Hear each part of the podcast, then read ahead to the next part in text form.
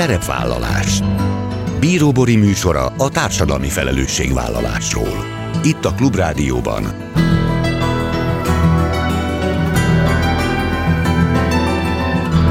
Szerepvállalás Jó napot kívánok! Bíró Bori köszönti Önöket! Adásainkban hétről hétre példákat hozunk arra, hogy egy-egy cég vagy intézmény, netán magánszemély milyen formában, milyen eszközökkel járul hozzá anyagi gondok, társadalmi problémák orvoslásához, az életminőség javításához, a fenntartható fejlődéshez. Így módon is kifejezve, hogy felelősséget érez azért a környezetért, amelyben él és dolgozik. Közel 130 jelentkezés érkezett a civil díj pályázatra, amelyen 2020 legsikeresebb civil programjait kereste a főszervező NIOK alapítvány, partnere a Civil Iránytű Alapítvány és a szakértőkből álló zsűri. A döntőbe került 27 szervezet közül végül 8 vehetett át díjat. A tavalyi év már csak a koronavírus világjárvány alatt tapasztalt társadalmi összefogás és számtalan inspiráló program miatt is érdekes. A döntőbe jutott kezdeményezések is nagy arányban válaszoltak a kapcsolódó kihívásokra. A nyertesek közül ma kettőt mutatunk be. Elsőként a legjobb társadalmi vállalkozás diát elhozó Adni Joga kezdeményezést, amely a joga pozitív hatásait teszi elérhetővé hátrányból indulók számára. Kalmár Anna alapítóval beszélgetek. Őt dr. Rihai Kovács Zita, a Független Előadó Művészeti Szövetség ügyvezető titkára követi. Szervezetük nyerte ugyanis a legsikeresebb adománygyűjtés kategória díját. Ezek a mai témáink, tartsanak velünk! Mai első beszélgető társam Kalmár Anna, az Adni Joga alapítója. Jó napot kívánok! Jó napot kívánok, köszönöm, hogy itt lehetek.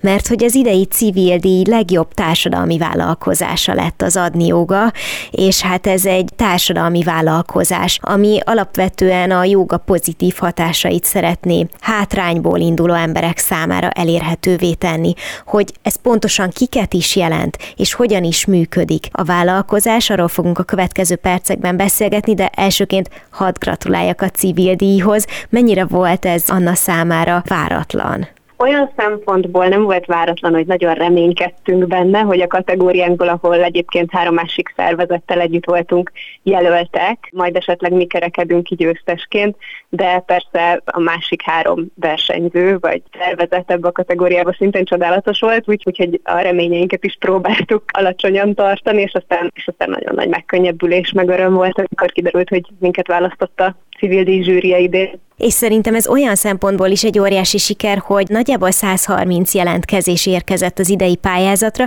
ugye utána 27 szervezetre szűrt a zsűri, és ebből lett végül az a nyolc, amelyek között ott van az adni joga is, szóval mindenképpen elég nagy volt a merítés, és tényleg nagyon sokféle szervezet, nagyon sokféle színes ötlettel, kezdeményezéssel pályázott. Én úgy tudom, hogy az önök története az egy görög szigeten kezdődött. Hogyan egészen pontosan és mikor? Igen, igen, ez, a, ez az én személyes utam az adni jogához, ami azt szoktuk mondani, hogy egy görög szigeten kezdődött. Én 2017 őszén elmentem önkénteskedni Kioszra, ami egy görög sziget, és menekültábor mellett önkénteskedtem egy fantasztikus szervezetnél. Azért mentem egyébként, hogy angolul tanítsak gyerekeket, de éppen akkor végeztem el egy jogaoktatói képzést, és úgy fordultak az események, hogy életem első jogaóráját tartottam meg ott Kiosz szigetén, egy csoport szír és afgán menekült nőnek, és két hónapig jogáztunk ott együtt, úgyhogy nem nagyon beszéltünk közös nyelvet, és nekem nyilván nem voltak semmilyen elvárásaim, amikor belementem a folyamatba, de tényleg azt vettem észre két hónap után, hogy elképesztő ereje volt a jogának, ebben a helyzetben, egy ilyen kicsit reménytelen, kilátástalan közegben, ahol tényleg nagyon nehéz élethelyzetben lévő emberekkel találkoztam. Tudtam, hogy nekem rengeteget segített a joga, de így fogalmazódott meg bennem először az, hogy valószínűleg hátrányból induló vagy nehéz sorsú embereken is egy kicsit tudna segíteni. Ez az ilyen mentális és fizikai egészségre ösztönző eszköz. És akkor, amikor hazaköltöztem, akkor elkezdtem építeni az adni joga gondolatát alapvetően, aki már jogázott, az abszolút tudja, hogy milyen sokféle pozitív hatása van, tényleg mind fizikailag, mind pedig mentálisan. De egy picit, hogyha részletesebben mesélne arról, hogy ezeknek a szír és afgán menekülteknek vajon milyen formában tudott akkor és ott segíteni a joga. Amit említette, hogy itt ezen a szigeten érte az a felismerés, hogy bizony olyan emberek számára is rengeteget adhat, akik valamilyen nehézséggel, hátrányal indulnak az életben. Erre lennék egy picit jobban kíváncsi, hogyha ezt megvilágítaná, hogy számukra ez mit jelentett. Igen, azzal egyébként én, én tisztában voltam, hogy egyre több tudományos kutatás mutatja ki, hogy a jóga, aminek során ugye meditálunk, relaxálunk és tudatosan mozgunk, annak nagyon nagy stressz oldó ereje van tényleg bizonyítottan, és hogy segít az embernek akár a, az önbizalmának az építésébe, önértékelési kérdésekbe, de itt láttam először azt, hogy tehát itt tényleg olyan emberekkel álltam szembe, akik egy nagyon nehéz élethelyzetben, egy trauma kellős közepén éltek, és a legelején, amikor elkezdtünk együtt jogázni, akkor ők nem tudták például befújni a szemüket és nehezükre esett lefeküdni a hátukra, vagy úgy egyáltalán elengedni magukat. Tehát tényleg egy ilyen készenléti állapotban voltak, és azt láttam rajtuk, hogy ellazítani az izmaikat már ez is egy szinte lehetetlen kérés.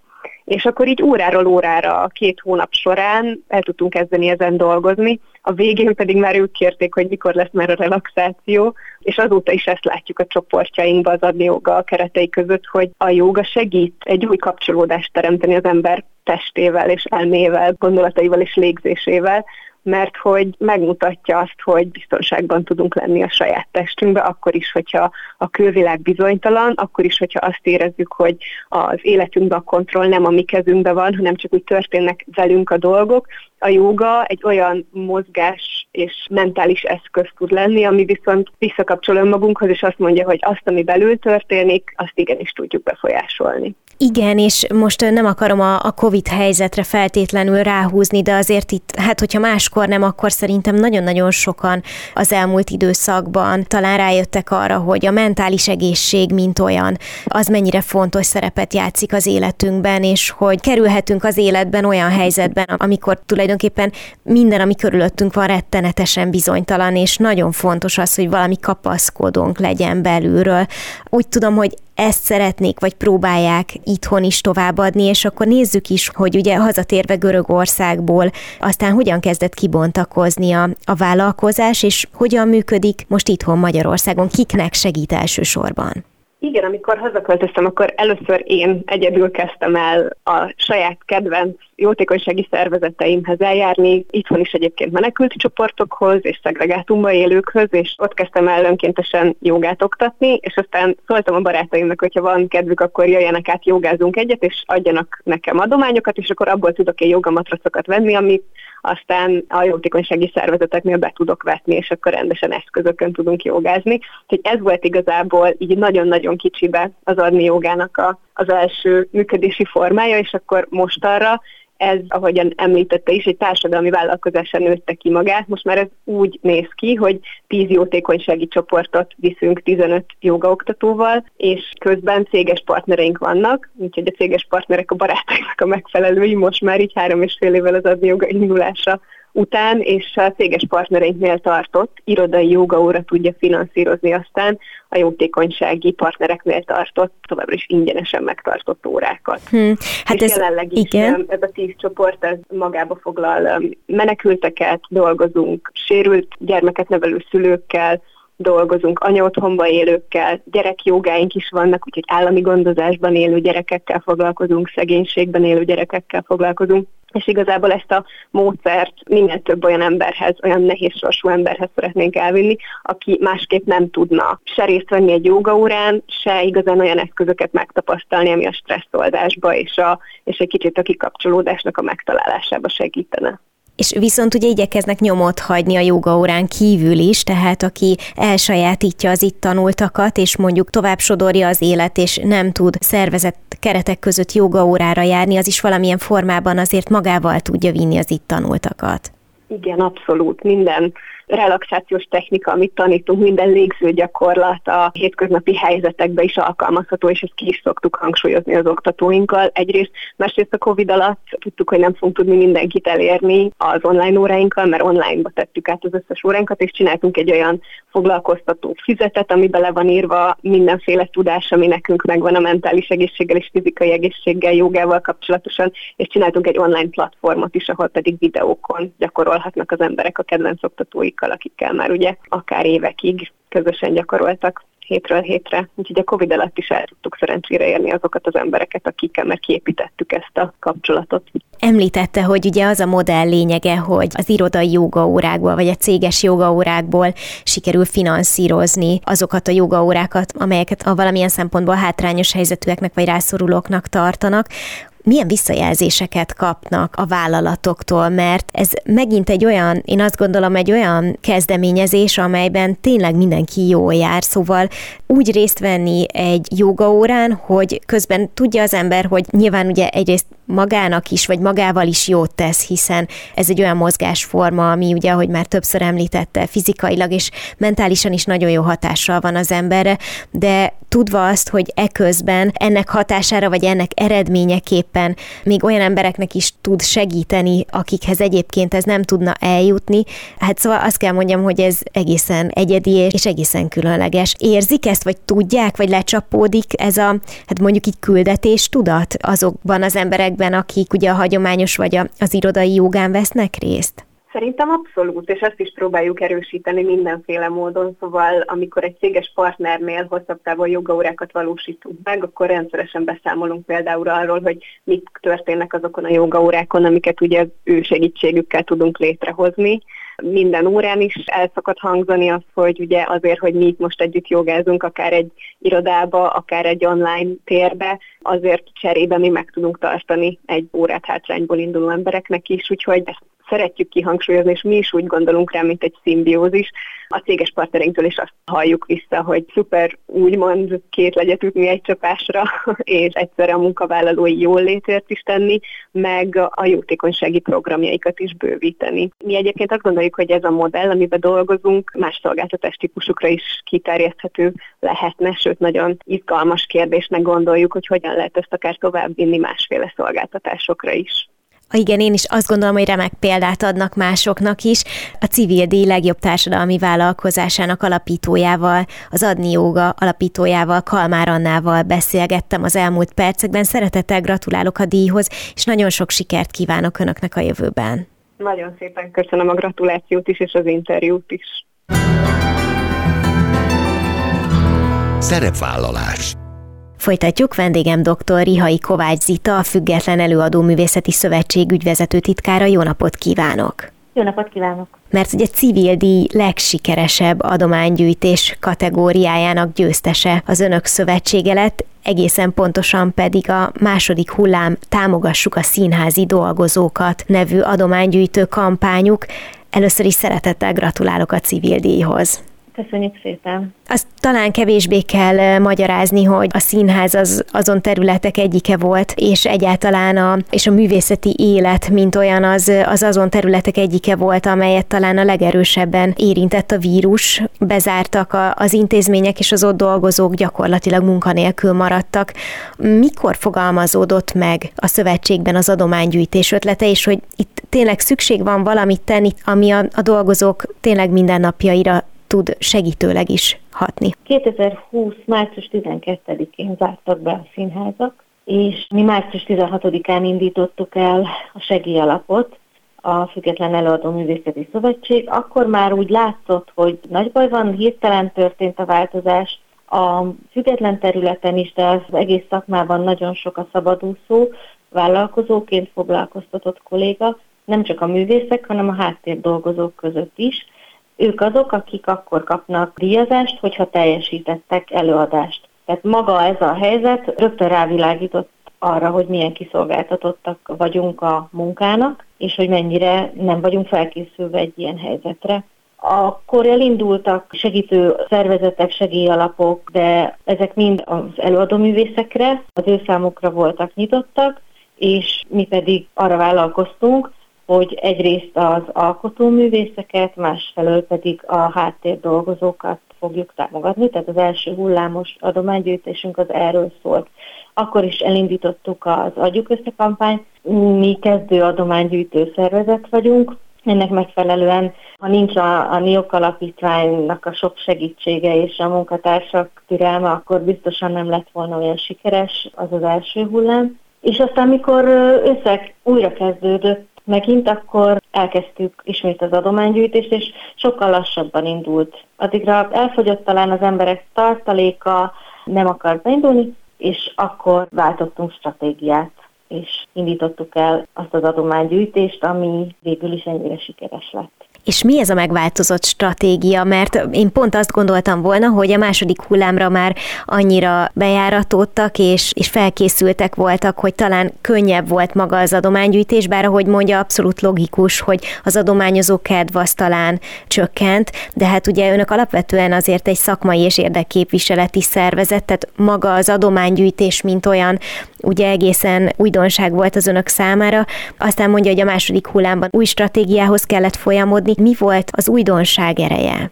Igen, azt azért el kell mondanom, hogy mind a két hullámban, tehát segítség volt az, hogy nem nulláról indultunk. Az első hullámban a Zörkény Színháznak egy adománygyűjtés során összegyűlt támogatását kértük, hogy hat fordítsuk segélyezésre, a második hullámban pedig egy két millió forintos magánadomány volt az, amivel indultunk, de nagyon lassan nőtt az adjuk össze, és akkor arra gondoltuk, hogy nagyköveti kampányt indítunk, egy tíznapos nagyköveti kampány, amire 19 nagykövetet kértünk föl, volt közöttük koreográfus, művészeti menedzser, színházi munkás, volt egyszerű néző, civil, és persze színészek is, és ezáltal megsokszorozódott az erőnk, mert mindenki adva állította a saját ismerettségi körét, részben az online felületeken, részben pedig a való világban. Természetesen ezek sokszor találkoztak, hiszen nagy a közös halmaz az ismerettségben, de azt érezzük, hogy sikerült egy picit talán a szervezetünk buborékján kívül rákerülni, és ezért sikerült ez a rekord, amit elértünk. Kedves Igen. kampány volt egyébként, mert az összes nagykövet kihívásnak tekintette azt, hogy, hogy most rajta milyen sok múlik. Eredetileg az, az volt a célunk, hogy egy millió forintot hoznak össze majd a nagykövetek, és ők a tíz napos kampány alatt minden nap valamilyen produktummal készültek a saját barátaiknak, és azt gondolom, hogy ők is egyébként kiléptek a komfortzónájukból, és mindennek ellenére egy nagyon nagy élmény volt a nagykövetek számára is. Igen, ennek a nagyköveti adománygyűjtő rendszernek ugye ezt azért más szervezet is szokta alkalmazni, és abszolút Igen. úgy tudom, hogy ez, a, ez az ereje, hogy nem egy vadidegennek, vagy nem egy számunkra ismeretlennek adunk, hanem tényleg mindenki a saját baráti vagy ismeretségi körében, de legalábbis egy számára ugye hiteles embernek a szavára próbál odafigyelni, és annak hatására adományozni. Tehát, hogy, hogy ez akkor bebizonyosodott, hogy ez, ez valóban egy jó ötlet, egy jó kezdeményezés kezdeményezés tud lenni. Így van. Az ötletet egyébként a Ferencvárosi Közösségi Alapítványnak a nagyköveti kampánya adta, amiben saját kollégáink voltak nagykövetek, és onnan jött, hogy hát akkor ezt próbáljuk meg mi is, hiszen ott vannak a saját barátaink, a közönség, a rajongók, és tényleg azt láttuk, hogy mi külföldről is érkeztek adományozók, mert volt olyan nagykövetünk, aki bevonzotta a külföldi kapcsolatait. És Zita, mit jelent az, hogy sikeres a kampány? És most nyilván ez abszolút kampány és kampány függő, de az önök szempontjából mit jelentett a sikeresség? Tehát egy részről, hogy nagyjából hány embert tudtak megmozgatni, erre van-e mm. esetleg adat, és hogy aztán végül mekkora összeget tudtak gyűjteni? Igen, azt mondtam, hogy egy millió forint volt a kitűzött cél, és végül 5 millió forint felett zártuk az Adjuk Össze kampányt és miután szervezetek is adományoztak, nekik nyitva kellett hagynunk a közvetlen adományozást is, összesen 800 adományozónk volt, ami iszonyú nagy szem. Tehát az is látszik, hogy igen, volt, aki akár 100 ezer forinttal, több 100 ezer forinttal támogatott minket, és volt egy nagyobb kedves az egyik nagykövető, azt mondta, hogy ő 2021 forintot kér a barátaitól, és igen, így tele voltunk ilyen 2021 forintos adományokkal is, és, és bebizonyosodott, hogy a sok kicsi is sokra megy, akkor ez az önök számára is valamennyire meglepetés lehetett, mert hogy ugye összegben az ötszörösét jelentette az adomány összege, és hát a 800 akárhány támogató pedig, ott, ott nem tudom, hogy volt-e bármilyen elvárás, de hát az önmagában szerintem, hogy közel ezer ember gondolta úgy, hogy szívesen segít, az valóban egy nagyon szép szám. A nagykövetek azt mondták az elejétől fogva, hogy ez az egymillió forint, ez nagyon alá van lőve. Hát ők, ők már sejtettek valamit. Ők, igen, ők nem, azt mondták, hogy nem hiszik el, hogy a saját barátaik ezt ne, az ő, ő hívásukra ne, ne reagálnának. Mi azt gondoltuk, hogy két millió forint lesz a vége, és ehhez képest az 5 millió forint az csodálatos, úgyhogy összesen a második hullámban így több mint 9 millió forint állt rendelkezésünkre, és így három hónapban is tudtunk ilyen áthidaló támogatást osztani.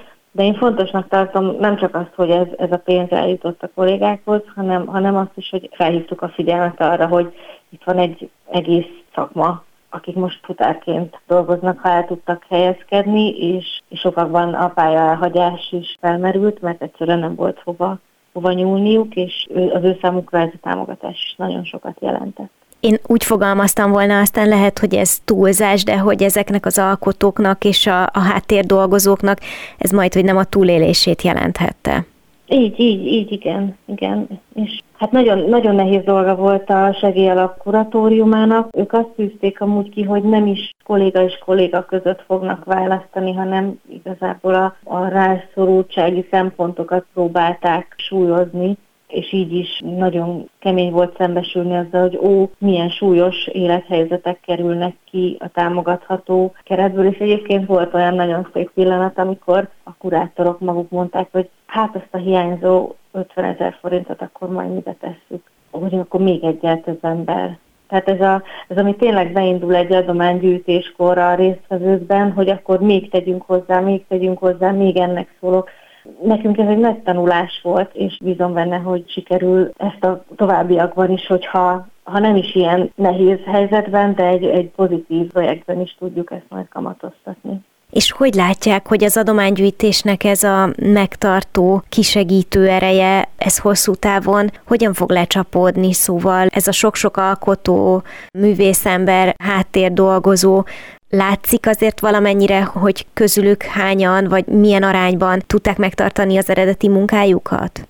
Voltak olyan támogatottjaink, akik közszínháznál dolgoztak, és mégsem volt állásuk, ami alapján fizetésük lett volna ebben a helyzetben. Ott tudom, hogy a közszínházaknál például elindult egy olyan folyamat, hogy elkezdik újra munkaviszonyban foglalkoztatni a kollégákat, a független területen még, még nem látjuk a, a hatását, tehát a, ennek a pályaelhagyásra a hatását. Azt látjuk, hogy most mindenki nagyon dolgozik. Ami a mi szempontukból az látszik, hogy nem maradhatunk forint nélkül, tehát mi mostantól tartalékolunk és készülünk a nehéz helyzetekre és most is, hogy nem tudjuk, hogy mi lesz a következőkben, mert nagyon számítunk rá, hogy ilyen súlyú bezárás nem lesz, de készen kell állnunk arra, hogy, hogy a kollégáknak váratlan élethelyzettel kell szembenézni, és akkor igenis a közösség most már érzi, hogy, hogy neki ezzel dolga van. Tehát ezt a, amit meg kell tartanunk, az nem is csak a, az, hogy akkor máskor is gyűjtünk adományt, hanem hogy egy közösség vagyunk, és hogyha valaki bajban van, akkor valamelyikünk szól, és akkor összezárunk és segítünk. Ez sajnos az élet egyre több területére igaz, de talán olyan szempontból pozitív, hogy amikor baj van, akkor viszont tudjuk, hogy nincs más megoldás, mint egymás segítése, és hát ennek volt egy fantasztikus példája az önök akciója, amely tehát a civil díj legsikeresebb adománygyűjtés kategóriájának a győztese lett a Független Előadó Művészeti Szövetség második hullám Támogassuk a színházi dolgozókat adománygyűjtő kampányáról beszélgettem dr. Rihai Kovács Kovács Zitával, a szövetség ügyvezető titkárával. Köszönöm szépen, és kívánok Önöknek sok sikert a jövőben. Köszönöm szépen, és gratulálok a többi jelöltnek és a nyerteseknek. Ennyi fért a mai műsorba, legközelebb jövő héten szombaton 18 órakor jelentkezem. Ha még nem tették, kövessenek minket közösségi oldalainkon, a Facebookon, az Instagramon és a YouTube-on. Ha bármiről lemaradtak volna, az adást pénteken 14 órakor ismételjük, de a Klubrádió weboldalán bármikor vissza tudják hallgatni. És ne felejtsék, tart a Klubrádió túlélési gyakorlata. Amennyiben tehetik, kérjük, hogy támogassák a munkánkat. Köszönöm, hogy velem tartottak, további kellemes online rádiózást kívánok. Bíró Borit hallották. Szerepvállalás